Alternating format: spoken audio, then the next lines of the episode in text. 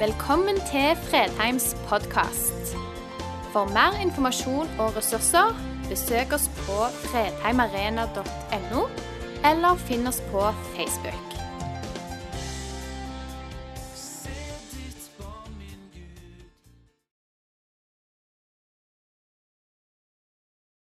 Hva kjærlighet er, vil sannsynligvis besvares ulikt, alt etter hvem vi spør. Men mye vil nok likevel gå igjen i de svarene vi får.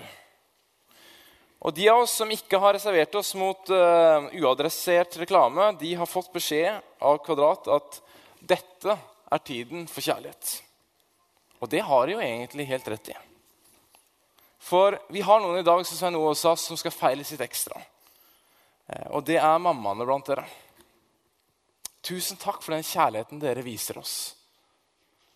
Og tusen takk for den kjærligheten dere viser til våre barn. Og eh, I tillegg til det så har vi jo en Valentine's Day som kommer opp. Så når jeg i dag skulle ha kjøpt inn litt ting for eh, mine unger til, til Merete eh, i går, for de er ikke helt eh, i den alderen hvor de kan kjøpe ting sjøl, så eh, tenkte jeg når jeg gikk inn da, så prøvde jeg i år Merete, av praktiske hensyn så tror jeg vi bare slår i sammen de to dagene. Så du får denne gaven i dag, og så sier du at dette er både for Valentine's Day og for morsdagen. Jeg vet ikke helt om det falt til god smak, så det er mulig jeg må ut en gang til i løpet av denne uka. her. Men når det kommer til kjærlighet, så bruker vi i Norge primært ett ord for veldig mange ting. Der andre språk har mange ord til å forklare ulike sider ved kjærligheten, som egentlig er ganske forskjellige. Alt ifra en overrumplende begjæret og forelskelsen til en slikkepinne, som vi kaller kjærlighet på Østlandet. Til kjærlighet til en sak eller noe spesifikt som knytter oss sammen.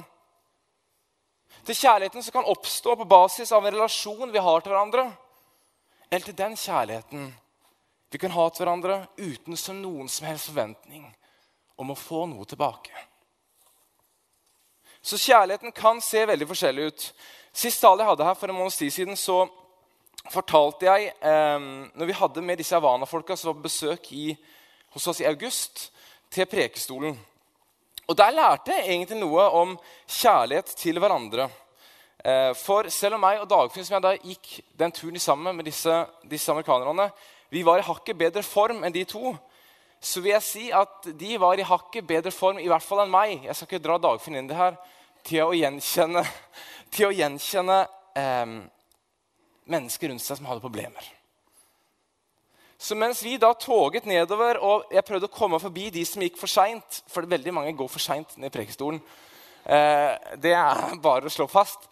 Så eh, var det en av disse amerikanerne som het Donna, som bare plutselig ser oh, can I give you a hand? Og da var det en dame da, som gikk der, som hadde store problemer med å komme seg nedover. Og Jeg gikk forbi hun, men jeg klarte ikke å registrere at hun her hadde virkelig problemer med å komme seg nedover. Og hvert steg hun tok, var på en måte, åh, altså var, lagde lyd hvert eneste steg hun tok. Men hun amerikaner hun plukka det opp umiddelbart og begynte å følge hun nedover. Køen begynte å bli lenger og lenger bak. Og jeg kjente det i samvittigheten. Hvorfor så jeg ikke det her? Hvorfor var jeg så opptatt av å komme nedover? ikke registrerte at der var et menneske som hadde alvorlige problemer? Og Jeg prøvde mer og mer å komme meg inn. Kan jeg hjelpe på et eller annet måte? For kjenne den samvittigheten. La meg få lov å hjelpe her. Og Dere ser kanskje hvor denne historien er i ferd med å gå. Den er i ferd med å gå dit. Andreas Bjørntvedt, halvannen time hånd i hånd med en 65 år gammel dame fra Romania ned Prekestolen. Det var nedover, og det var oppover, og det var på flaten. Og på flaten så var det litt klamt. Det skrev hun, for hun slapp ikke handa mi selv på flaten. Og det, og det, ble litt rart. Så det er tre stykker bak meg som satt og fnisa. Jeg forsto jo at sannsynligvis har Dagfinn tatt bilde av dette her. Og det hadde han jo. Han lot det ikke gå ifra seg. Men eh, det som gjorde veldig inntrykk på meg, var den amerikaneren. Hvordan hun oppfatta mennesker rundt seg. Brillene hun så rundt seg med, var tydeligvis annerledes enn mine. Ellers var iallfall veldig mer fokusert enn mine. Som heller var bare fokusert på å komme meg forbi. Vi går inn i 1. Johannesbrev, kapittel 3, vers 11-17. For dette er det budskapet dere hørte fra begynnelsen av.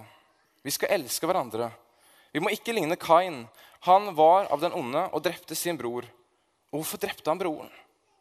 Fordi hans egne gjerninger var onde, mens brorens var rettferdige. Bli ikke forundret om verden hater dere søsken. Vi vet jo at vi er gått over fra døden til livet.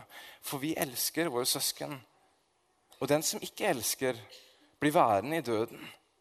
Den som hater sin bror, er en morder, og dere vet at ingen morder har evig liv i seg.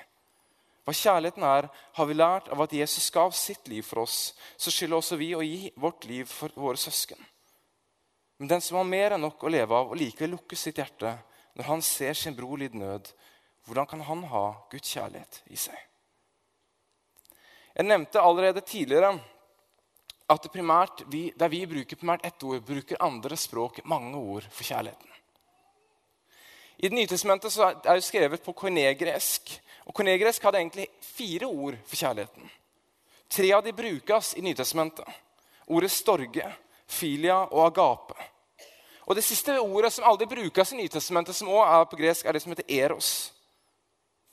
Og Der hvor storge henviser til en kjærlighet mellom de som har kommet sammen gjennom et bånd, altså basert på sin egen natur, f.eks. et barns naturlige kjærlighet til sine foreldre, så brukes filia primært om kjærligheten mellom venner eller et sterkt bånd mellom mennesker som deler samme verdier, interesser eller aktiviteter. Mens det siste av de, agape, er en kjærlighet som kan omtales som en betingelsesløs kjærlighet. En kjærlighet som utøses uten en forventning om å få noe igjen. Det er altså ikke snakk om en kjærlighet basert på romantikk. Det er heller ikke snakk om en streng religiøs kjærlighet. Det er snakk om en autoristisk kjærlighet. Selve motpolen til det egosentrerte. En kjærlighet som gir seg hen uten å forvente å få noe igjen. Nå, Hvilken kjærlighet tror du brukes i den teksten vi akkurat leste? Agape. Men når vi tenker på kjærlighet i vår kultur, litt som Svein Ove var inne på, så drar vi det veldig fort inn i romantikk. Men i Bibelen har altså det ordet som blir brukt mest om kjærlighet, egentlig ingenting med romantikk å gjøre. Det er langt mer styrt av valg enn av følelser. Agapekjærligheten kan definitivt være til stede i romantikken. Til stede mellom mann og kvinne. Men det er ingen forutsetning. Og den er ikke bundet av det. Kjærligheten som Bibelen taler om, resonnerer langt mer i den kjærligheten Jesus eksemplifiserte med sin død på et kors. Han døde fordi han elsket oss og var villig til å gi seg selv for oss uten løfte om belønning for seg selv.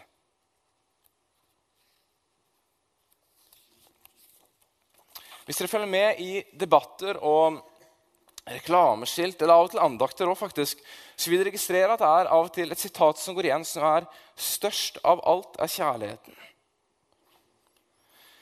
Og Veldig ofte så tenker vi jo referansene tilbake til 1. Korinterbrev 13. Og at det er et bibelvers. Men så er det jo egentlig ikke det. For i 1. Korinterbrev 13 står det så blir disse stående, disse tre, tro, håp og kjærlighet, men størst blant dem er kjærligheten. Det står ikke størst av alt det er kjærligheten. Og noen blir jo fyrt opp av det her. Dette er feilsitering. Det er jo ikke riktig. Jeg blir ikke fyrt opp av det. Men spørsmålet er likevel kan det være riktig at størst av alt er kjærligheten. Hvis definisjonen på kjærligheten er agape, ikke basert på romantikk, ikke basert på erotikk eller hva enn vi måtte legge i ordet, kan det da være riktig? Generalsekretæren i en av de store misjonsorganisasjonene i Norge sa jeg sitter med en sterk opplevelse av at mennesker i vår verden opphøyer og gjør kjærligheten til en gud og tilber kjærligheten i seg selv. En analyse jeg i stor grad deler man. Poenget er likevel fullt at Johannes skriver i 1. Johannes brev 4,8 på gresk H. Theos agape estin. Gud er kjærlighet. Gud er agape.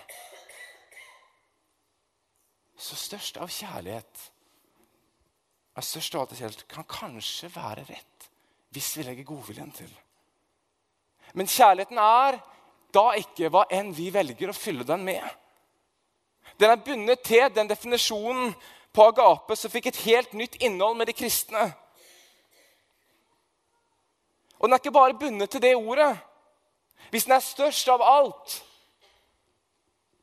så er den òg bundet til at det må være den ultimate definisjonen på det ordet. Så det må jo bety at finner du den kjærligheten, så finner du deg sjøl face to face med Gud sjøl. Fordi Gud er størst av alt. Og han er agape. Blant alt det andre han også er. Dere ser starten på denne Tittelen på den talen var 'Hva kjærligheten er'. Og Fortsettelsen på den setningen finner vi i vers 16, hvor det står 'Hva kjærligheten er, har vi lært av at Jesus gav sitt liv for oss'. Så skylder vi òg å gi vårt liv for våre søsken. For Johannes så er kjærligheten til brødrene ikke noe menneskelig. Kjærligheten er guddommelig. Så når han fortsetter å skrive med den som har mer enn nok å leve av, og likevel lukker sitt hjerte når han ser sin bror lide nød, hvordan kan han ha Guds kjærlighet i seg? Så ligger det i bunnen. Det dramatiske her hvis denne kjærligheten ikke er synlig lenger. At det virker som Johannes nærmest forstår som at dette er en fornektelse av den guddommelige kjærligheten som han har skapt i våre hjerter når vi kom til tro ved Den hellige ånd. Og det er for Johannes et alvorlig faresignal. Du vet, Det er veldig sjelden jeg går og tenker på ting jeg har sagt i tale etter jeg har sagt det. Som regel så tenker jeg på det idet jeg lager talen, og det er kanskje det jeg snakker, og så er jeg ferdig med det. Eh, I motsetning til andre, når jeg hører taler andre, så kan jeg gå og tenke på noen ting de sa lenge, og gruble over det. Men for fire uker siden så sa, sa jeg noe som jeg i etterkant har tenkt er jeg egentlig enig i det jeg sa? Og det har jeg brukt fire uker på å gå og tenke på. Og det jeg sa, var Jesus ville kanskje kunne være enig med Hemingway om å ikke gå på reise med de du ikke elsker. Men det er ikke en grunn til ikke å reise, men en grunn til å starte å elske hverandre. Og jeg har vel landa på at jeg er enig i det jeg sa, men at jeg behandler det å begynne å elske hverandre altfor lettvint. For det er ikke noe bare vi sier vi gjør, og så er det gjort. For den kjærlighet vi snakker om her nå, er egentlig ikke menneskeskapt i det hele tatt. Det er den kjærlighet som Gud skaper i våre hjerter. Som da står i Romerne 5.5. Og håpet skuffer ikke, for Guds kjærlighet er utøst i våre hjerter ved Den hellige ånd, som Han har gitt oss. Så relasjon til Han og Hans herredømme og ledelse i våre liv er langt viktigere og avgjørende enn hva vi presterer. Du vet, Et hvilket som helst selskap vil reise seg og falle i løp av verdenshistorien. Et hvilket som helst imperie vil reise seg, og på et eller annet tidspunkt så vil det òg falle for denne verden er omme. Men kirken, fellesskapet blant de troende, blir værende der. Helt til den siste dagen når vi skal treffe vår frelser igjen. Så dette er nå vår nye familie. Og Normalt sett er vi ikke vant med at vi velger familie. Vi kommer inn igjen, vi blir født inn i en familie, og så forholder du deg til de du får.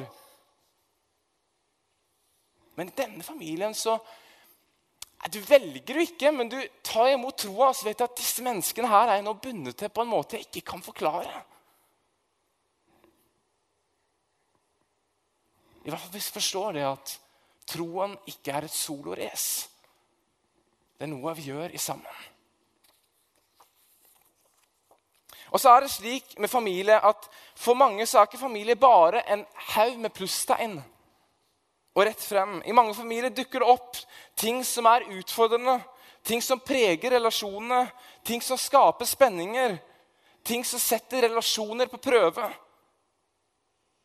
Men likevel vil de aller fleste av oss Hvis ikke da, da er ekstremt store, grove overtramp, så vil de aller fleste av oss forsvare familien vår hvis vi opplever at andre ikke snakker bra om dem.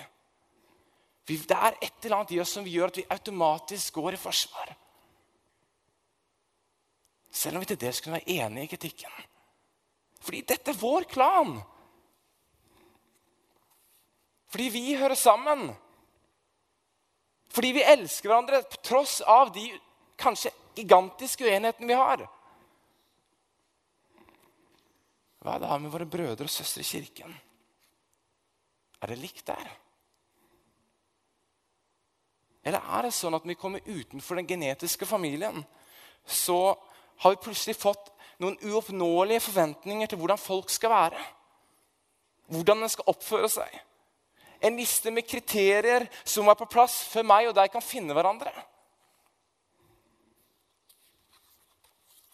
Talen som jeg holdt her for to uker siden av eh, min far, utfordret noe i meg på det her. Hvilken briller ser jeg mennesker rundt meg med? Ser jeg de gjennom Golgata-brillene? At Jesus er dødd for dem, betalt for dem. Og den kjærligheten han har for dem.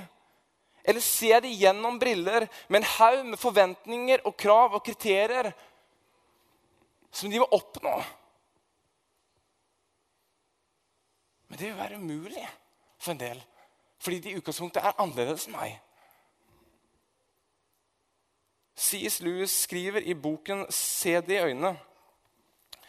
Ikke kast bort tiden din med å lure på om du elsker din neste. Opptre som om du gjør det.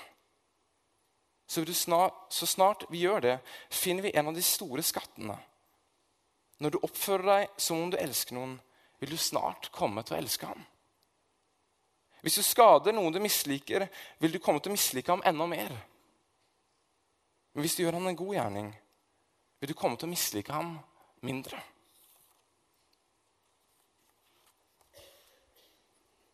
Kanskje er det ikke så rart at Johannes går rett ifra å snakke om at vi skal elske hverandre. Rett over en advarsel om at ikke vi må ligne på Kai, som drepte sin bror. Videre over en advarsel om at den som ikke elsker, blir værende i døden. Og bak alt dette her ligger jo den essensen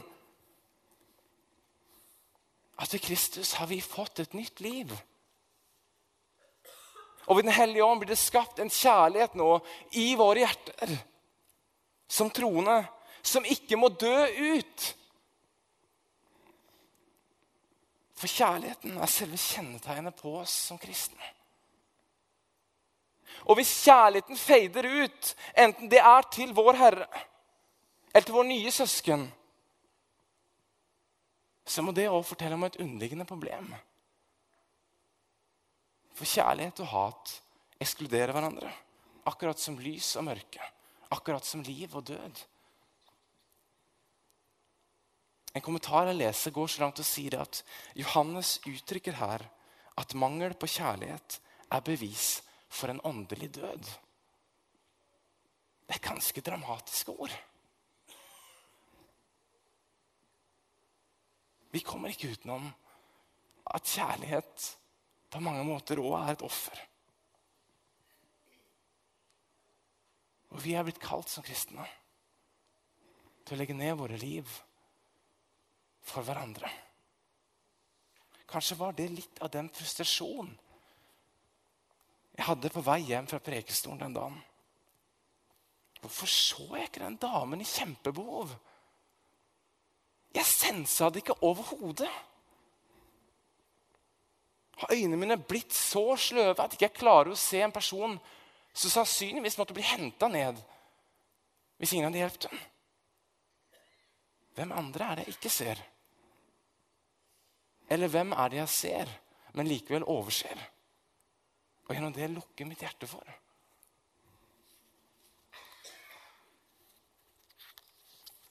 Jeg leste i Jobbs bok den uka som gikk nå, eh, og kom over et vers som gjorde inntrykk på meg inn i den tematikken som jeg skulle tale om. Eh, som er i et av de, eh, et av de partiene hvor Jobb da forsvarer seg overfor disse såkalte vennene hans. Hvor han sier i Jobb 6,14.: Den som ikke viser godvilje mot sin neste, har oppgitt sin frykt for den veldige. Det er ganske kraftige ord. Hva kjærligheten er, vil vi sannsynligvis få veldig mange ulike svar på. Alt etter hvem vi spør. Men spør vi Gud først? Spør vi Gud først? Eller spør vi helt andre steder først?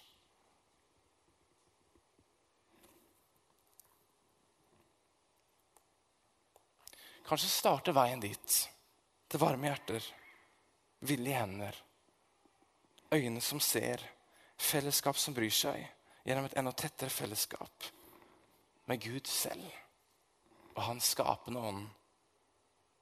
Så han selv kan overøse oss med den kjærligheten på nytt som han skaper i våre hjerter.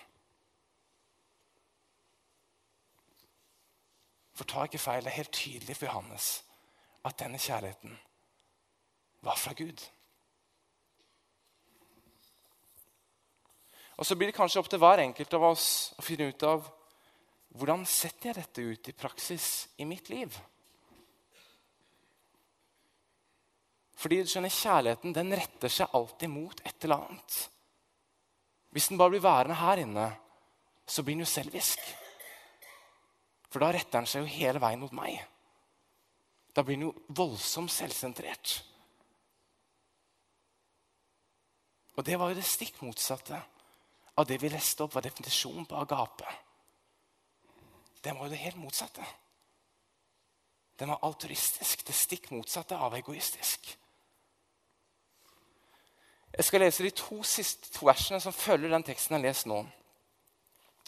For Nå leste jeg fra eh, 1. Johannes 3, ja, 3.11 til 17. tror jeg jeg leste fra. Og Nå skal jeg lese vers 18 og 19 helt til slutt. her.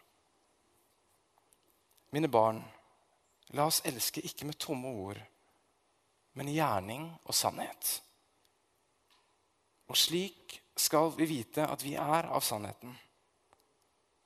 Og vi skal la vårt hjerte falle til ro for hans ansikt. Hvordan ser det ut i mitt liv? Og hvordan ser det ut i ditt liv? i møte med de menneskene du har i løpet av en uke. I møte med din genetiske familie. Og i møte med den familien du har fått når du kom til tro.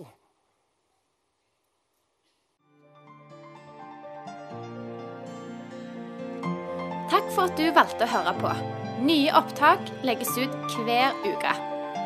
Vi har gudstjenester hver helg, og du er hjertelig velkommen.